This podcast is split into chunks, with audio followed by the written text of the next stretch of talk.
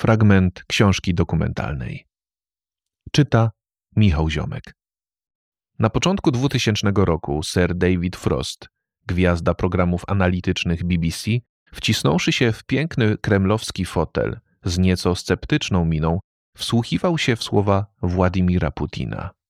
Na przykład w te. Nie wyobrażam sobie swojego kraju oderwanego od Europy i od tak zwanego cywilizowanego świata. Nie tylko społeczeństwo, lecz także my sami jesteśmy zainteresowani obiektywną informacją. Właśnie obiektywna informacja to instrument, którym musimy się posługiwać.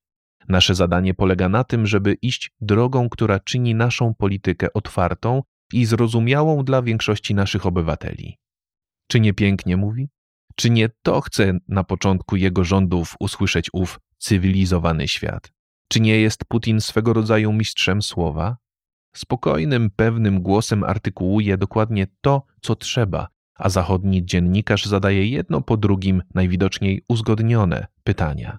Nie oponuje, nie wdaje się w polemikę, choć z jego twarzy nie schodzi lekki grymas. Swobodnie więc Władimir Władimirowicz prezentuje światu pięknie opakowane pudełko z napisem Demokratyczna Rosja.